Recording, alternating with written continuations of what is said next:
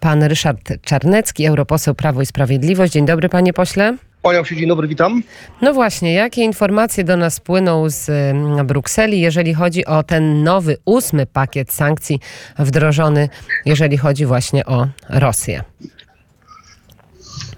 No więc przede wszystkim e, jest kwestia e, tego, że mm, e, Unia Europejska wydaje się być z pakietu na pakiet coraz bardziej podzielona w sprawie sankcji.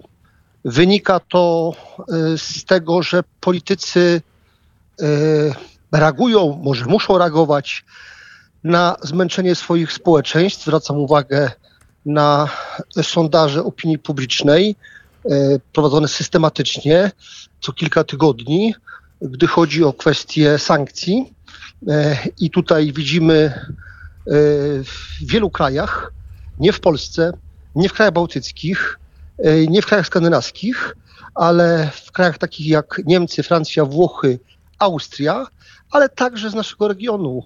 A takie kraje jak e, Bułgaria, Słowacja, Czechy, a e, Słowenia, wzrost tych, którzy nie chcą nowych sankcji.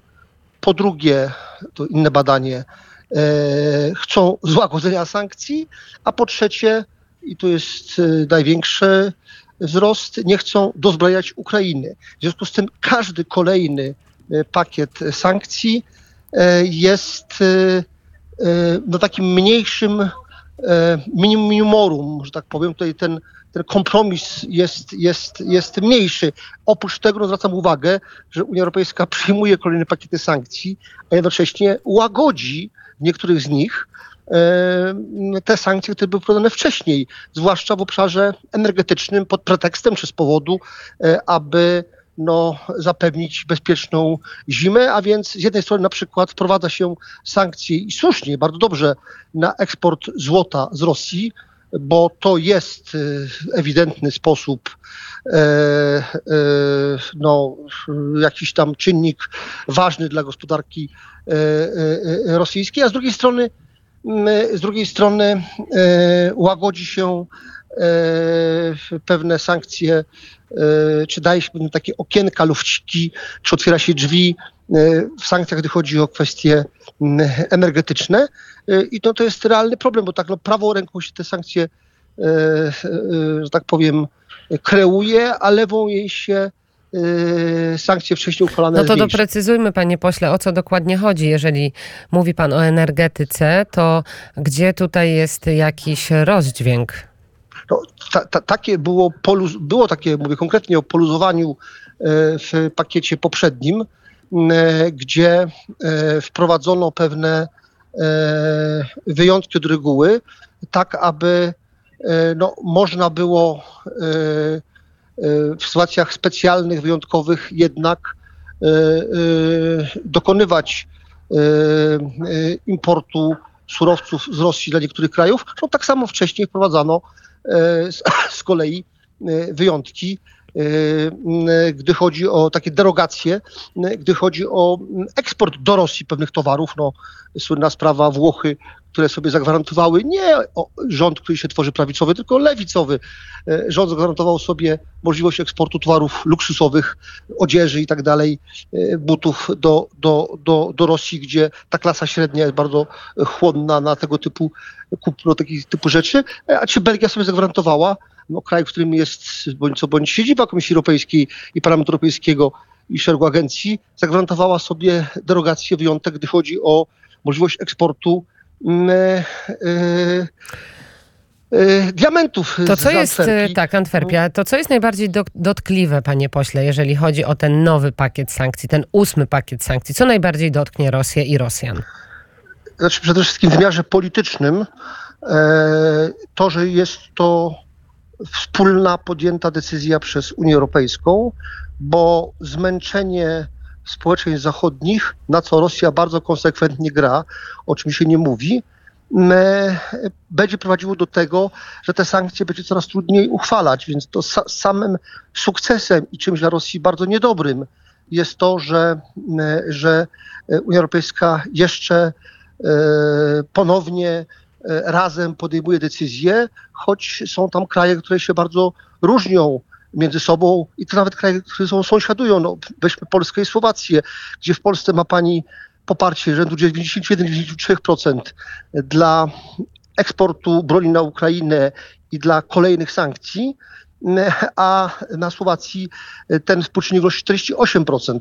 No więc kraj sąsiadujący z nami, ten, ten sam region, nie tylko to Niemcy, o których dużo w Polsce mówi słusznie, czy Francja, czy Włochy, ale kraje naszego regionu też są coraz bardziej zmęczone e, tymi sankcjami, o czymś w Polsce myślę, że mało mówi, a to może skutkować nie tylko na przykład zmianą rządów, zwracam uwagę na to, co się stało w Bułgarii, kiedy to rząd e, taki centro, taka szeroka koalicja centroprawicy i lewicy, ale z centroprawicowym premierem Kirillem Petkowym został obalony przez prorosyjskiego prezydenta, e, który publicznie głosił, że Krym jest i ma pozostać rosyjski.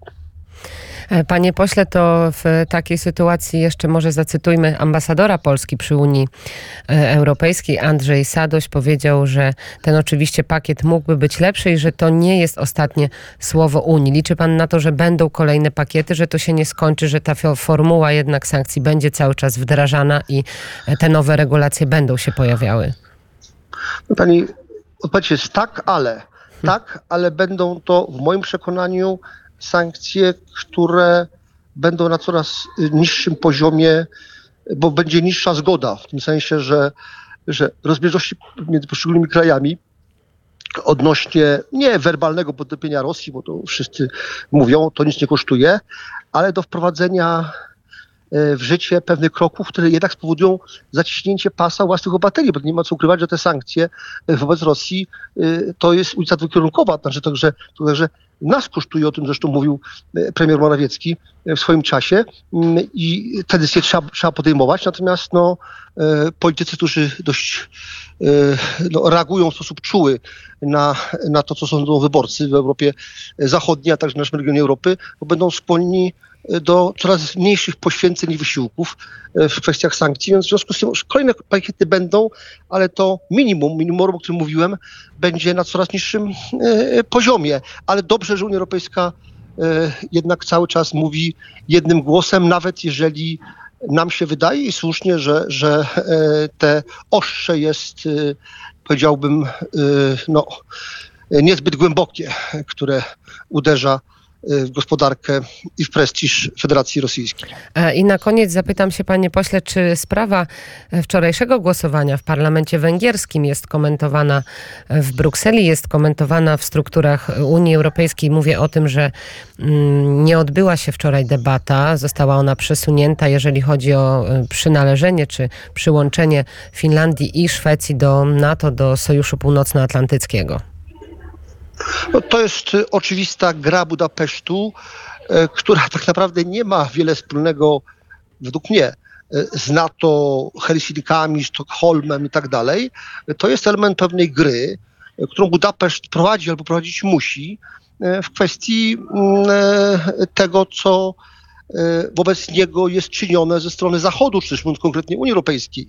To znaczy, że te E, finansowe sankcje wobec Węgier ze strony Brukseli, e, no, e, jest próba pewnej jakiejś quasi retorsji, symbolicznej oczywiście, ze strony Budapesztu. Oczywiście możemy potępiać stosunek Orbana, Fidesu, oficjalnych władz Węgier wobec Rosji, natomiast no, zwracam uwagę, że te działania podjęte przeciwko Budapesztowi teraz, w tym momencie przez Komisję Europejską, no są fatalnym, fatalną decyzją, bo one skutkują, i to było dość oczywiste, skutkują e, właśnie takim trochę łamaniem jedności po naszej unijnej stronie, gdy chodzi o Rosję.